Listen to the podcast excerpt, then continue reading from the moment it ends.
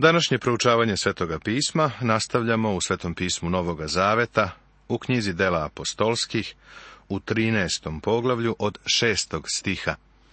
I razmatramo Pavlovo prvo misionarsko putovanje. Od samog početka apostol Pavle prisvaja metod, koji je primjenjivao tokom cele službe.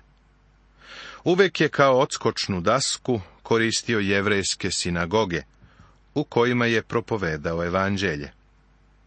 Jednog mog prijatelja su kritikovali, što je otišao u sinagogu da propoveda. Veruj mi, propovedao je evanđelje. Njegove kritičare sam podsjetio da je apostol Pavle uvek prvo odlazio u sinagogu da propoveda. Ako su smatrali da je moj prijatelj pogrešio, morali bi da kažu i da je metod apostola Pavla bio pogrešan. Protivljenje u Pafu I kad prođoše celo ostrvo sve do Pafa, nađoše nekog vračara, lažnog proroka, judejna koji se zvao Var Isus. Izgleda da njihova služba nije bila naročito uspešna u Salaminu, bar nije zapisan nikakav plod te službe. Prešli su preko ostrva Kipra na drugu stranu. U Pafu su se susreli sa protivljenjem, koje je bilo sotonsko, kroz nekog vračara koji je imao ogroman uticaj na rimske predstavnike, na prokonzula ostrva Sergeja Pavla. I koji beše sa prokonzulom Sergijem Pavlom razboritim čovekom. Ovaj prokonzul dozva Varnavu i Savla i zaiska da čuje reč Božiju. Ali njima se protivio Elima Vračar, jer njegovo ime prevedeno to znači u nastojanju da odvrati prokonzula od vere. Ovo je sotonsko protivljenje. Ovaj čovek je pod svojim uticajem držao prokonzula. Nažalost, i danas ima veoma mnogo ljudi na vlasti koji su pod uticajem svih vrsta okultizma, što je u suprotnosti sa Božjom rečju i što se protivi evanđelju. Savle pak, koji se zove i Pavle, ispunjen duhom svetim, pogleda na njega. Sada je Savlovo ime promenjeno zašto je nazvan Pavle. Pavle znači mali. Neki smatraju da je on ovo ime uzeo kao znak poniznosti, jer više nije želeo da nosi ponosno ime Savle. Moguće je i da je uzeo ime prokonzula Sergija Pavla, koji je bio njegov prvi obraćenik. I reče, o ti, pun svakog lukavstva i nevaljalstva, sine đavolji, neprijatelju svake pravednosti, nećeš li prestati da izvrćeš prave puteve gospodnje? Apostol Pavle je verovatno bio blag čovek, ali kada bi se susreo sa ovakvim protivljenjem, veruj mi da ga je optuživao i ukoravao celim bićem. Mislim da to isto treba i danas da činimo. Vidi sad. Ruka gospodnja pade na tebe. Bićeš slep i nećeš vidjeti sunca za neko vreme. I odmah pade na njega mrak i tama, te je išao naokolo i tražio ljude koji će ga voditi. On je zaista bio u duhovnoj tami. Sada je doveden i u fizičku tamu.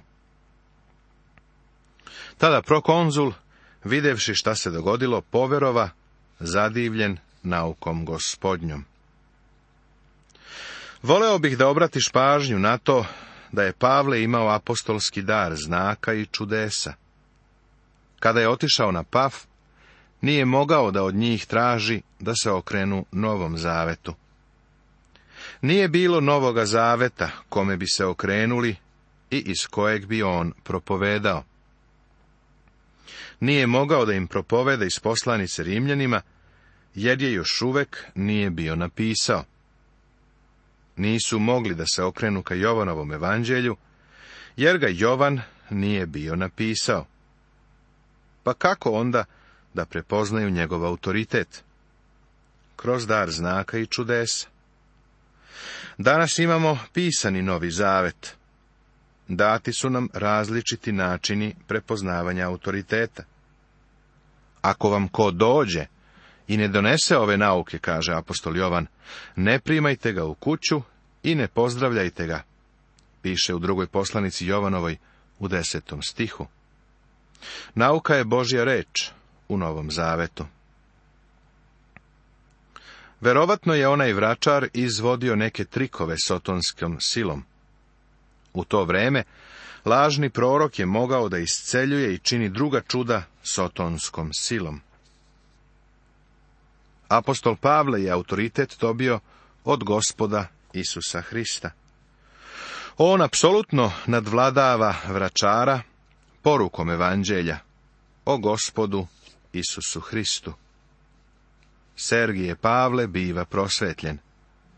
Bio je u duhovnoj tami, ali je uzverovao i za prepašćenje gospodnjom doktrinom. A Pavle sa svojim društvom otplovi iz Pafa i dođe u Pergu Pamfilijsku. Tu se Jovan odvoji od njih i vrati se u Jerusalim. To je sve što doktor Luka kaže. Beleži činjenicu da je Jovan Marko otišao. Ne optužuje ga. Kasnije ćemo vidjeti da je Jovan Marko u stvari dezertirao, odnosno da ih je napustio. Pao je u krizu, vratio se kući svojoj mami. Sjeti se da je njegova majka bila istaknuti član Jerusalimske crkve i da je njena kuća bila mesto okupljanja crkve.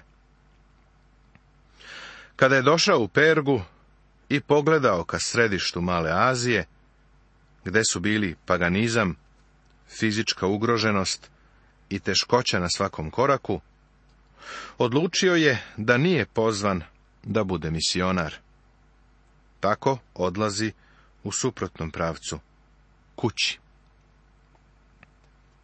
Kasnije ćemo vidjeti da apostol Pavle odbija da povede Jovana Marka na drugo misionarsko putovanje.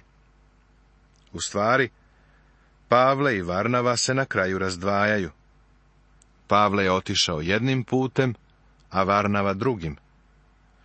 Pavle je napravio grešku u vezi sa Jovanom Markom. Bog Jovana Marka nije odbacio zbog ove greške. Hvala Bogu, ne odbacuje ni nas kada pogrešimo. Dao mu je još jednu priliku. Kasnije je Pavle postao dovoljno veliki da prizna da nije bio u pravu. A kada se približio smrtnom času, tražio je da dođe Jovan Marko. Samo je Luka kod mene. Marka uzmi i povedi sa sobom, jer mi je koristan za službu, zapisao je apostol Pavle u drugoj poslanici Timoteju, u četvrtom poglavlju, u jedanaestom stihu. Jovan Marko je napisao Markovo evanđelje, Uspeo je, hvala Bogu. Bog nam daje drugu priliku. Međutim, ovde na samom početku Jovan Marko greši. Ostavio ih je i vratio se u Jerusalim. Umeđu vremenu, Varnava ide ka središnjem delu Male Azije. Pavlova propovedu Antiohiji oni pak produžiše iz Perge i dođoše u Antiohiju Pisidijsku, pa uđoše u sinagogu u subotni dan i sedoše. A po čitanju zakona i proroka, starešine sinagoge poslaše k njima i poručiše. Braćo, ako imate kakvu utešnu reč za narod, govorite. Apostol Pavle sledi i primenjuje svoj metod, pa prvo odlazi u sinagogu. Jevreji su bili rasejani po celom rimskom carstvu, pa su osnivali sinagoge u gradovima u kojima bi se skrasili. Kada bi posetioci došli u Jerusalim, pošto su želeli da čuju šta se govori u religioznom sedištu, pozivali bi posetioce da nešto kažu. Ovo je apostolu Pavlu uvek pružalo izvanrednu priliku, a on je umeo da je iskoristi. Ova propoved koju je apostol Pavle propovedao u Antiohiji Pisidijskoj je po mom mišljenju jedna od velikih propovedi. Ipak danas je nekako prevaziđena. Ovo je prva zabeležena Pavlova propoved, koju je propovedao u sinagogi u subotu. Kada su apostola Pavla pitali da li bi želeo da nešto kaže, siguran budi da je želeo. To je bio jedini razlog zbog kojeg se tamo našao. Na to Pavle usta mahnu rukom i reče, Ljudi, Izrailci, i vi koji se Boga bojite, čujte. Čovek bi iz ovog uvoda zaključio da je tamo bilo nekih posetilaca, verovatno prozelita neznabožaca. Bog ovog izraelskog naroda izabra naše očeve i podiže narod u tuđini, u zemlji Egipatskoj. I podignutom rukom izvede ih iz te zemlje, i oko četrdeset godina nosio ih je i hranio u pustinji. I uništi sedam naroda u zemlji Hananskoj i dade im njihovu zemlju u nasledstvo do nekih četiri i pedeset godina. Posle toga dade im sudije do proroka Samuila. Primeti da Pavle radi ono isto što je uradio Stefan kada je bio pred Sinedrionom. On govori o istoriji izraelskog naroda. Od tada zatražiše cara i Bog im dade Saula, sina Kisova, čoveka iz Venijaminovog plemena za četrdeset godina. Kad njega odgurnu, podiže im Davida za cara, za koga posvedoči i reče, Nađoh Davida, sina Jesejeva, čoveka po mom srcu, koji će uraditi sve što ja hoću. Od njegovog potomstva Bog je, shodno obećanju, podigao Izraelju spasitelja Isusa. Nakon nabrajanja istorijskih događaja, Pavle će im predstaviti spasitelja. Pošto je Jovan pre njegovog dolaska svem narodu Izraeljevu u propovedi objavio pokajničko krštenje. Kada je pak Jovan bio pri kraju svog života, govorio je. Ja nisam to što vi mislite, nego gle, ide za mnom jedan kome nisam dostojan da razrešim obuću na nogama. Braćo, sinovi Avramova roda, i vi, bogobojazni među njima, nama je poslana reč o ovom spasenju. Očigledno je da su ovi ljudi čuli za Jovana Krstitelja. Sada apostol Pavle prelazi na suštinu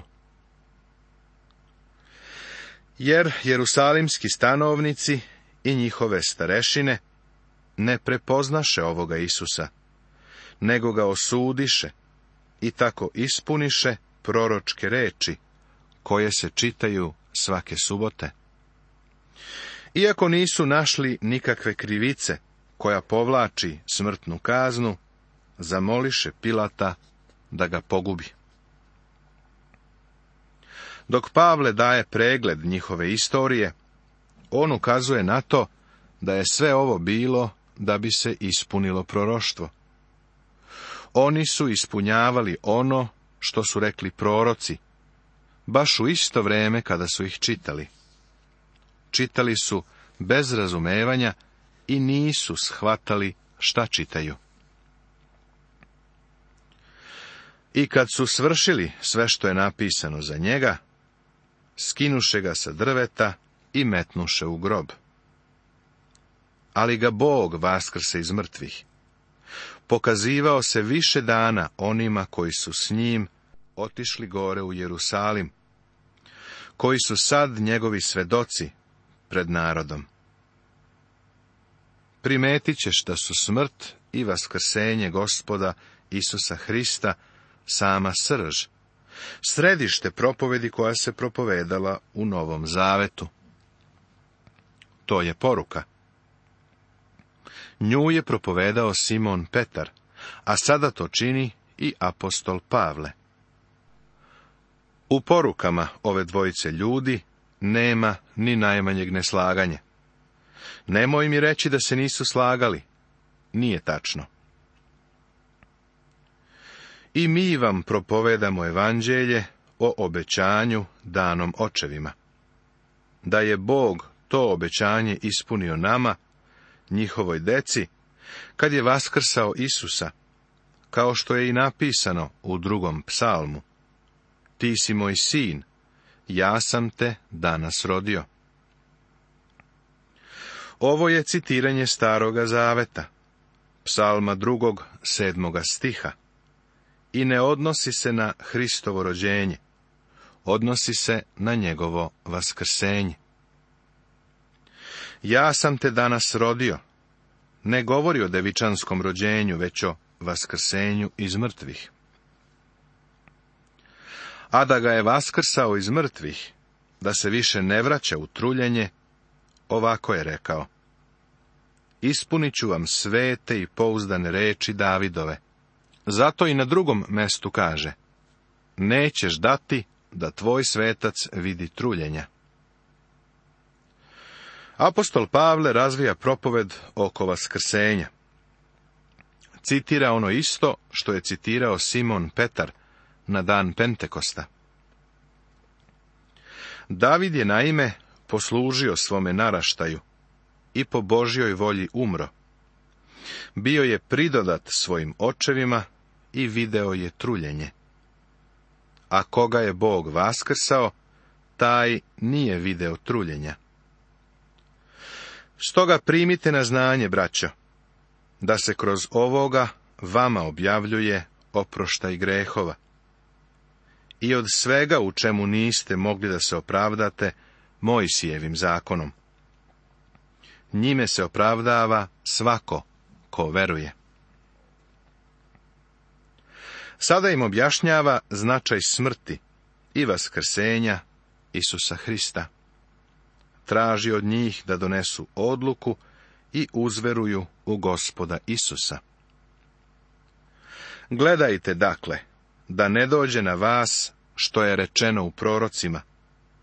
Vidite, vi koji prezirete, čudite se i nestanite, jer ja činim delo u vaše dane, delo u koje nećete poverovati, ako vam ko. On im upućuje poziv. Poziva ih da ne odbace poruku. A kad su oni izlazili, ljudi su ih molili da im se ove reči propovedaju i iduće subote. Tamo je bilo neznabožaca koji su rekli, voleli bismo da i mi čujemo istu poruku. Kada se pak skupu sinagogi razišao, mnogi judeji i prozeliti, koji su Boga poštovali, pođoše za Pavlom i Varnavom. Ovi su im govorili i nagovarali ih da ostanu u blagodeti Božijoj. A sljedeće subote okupi se skoro čitav grad da čuje reč Božju. Sigurno je bilo mnogo diskusije o Pavlovoj poruci. Sljedeće subote je skoro ceo grad došao da sluša Pavlovo propovedanje. Judeji pak, videvši mnogi narod, ispuniše se zavišću i huleći govorahu protiv Pavlovih reči. Ovaj put je bilo mnogo meteža, jer su se vodeće starešine iz sinagoge usprotivile Pavlu i Varnavi. Pavli i Varnava rekoše slobodno. Trebalo je da se prvo vama propoveda reč Božja. Ali pošto je vi odbijate i sebe ne smatrate dostojnim večnog života, evo, obraćamo se mnogobošcima. Jer tako nam je gospod zapovedio. Postavio sam te za svetlost mnogobošcima, da budeš na spasenje do kraja zemlje. I reč gospodnja se sve više širila po svoj okolnoj zemlji. Nastavit će se.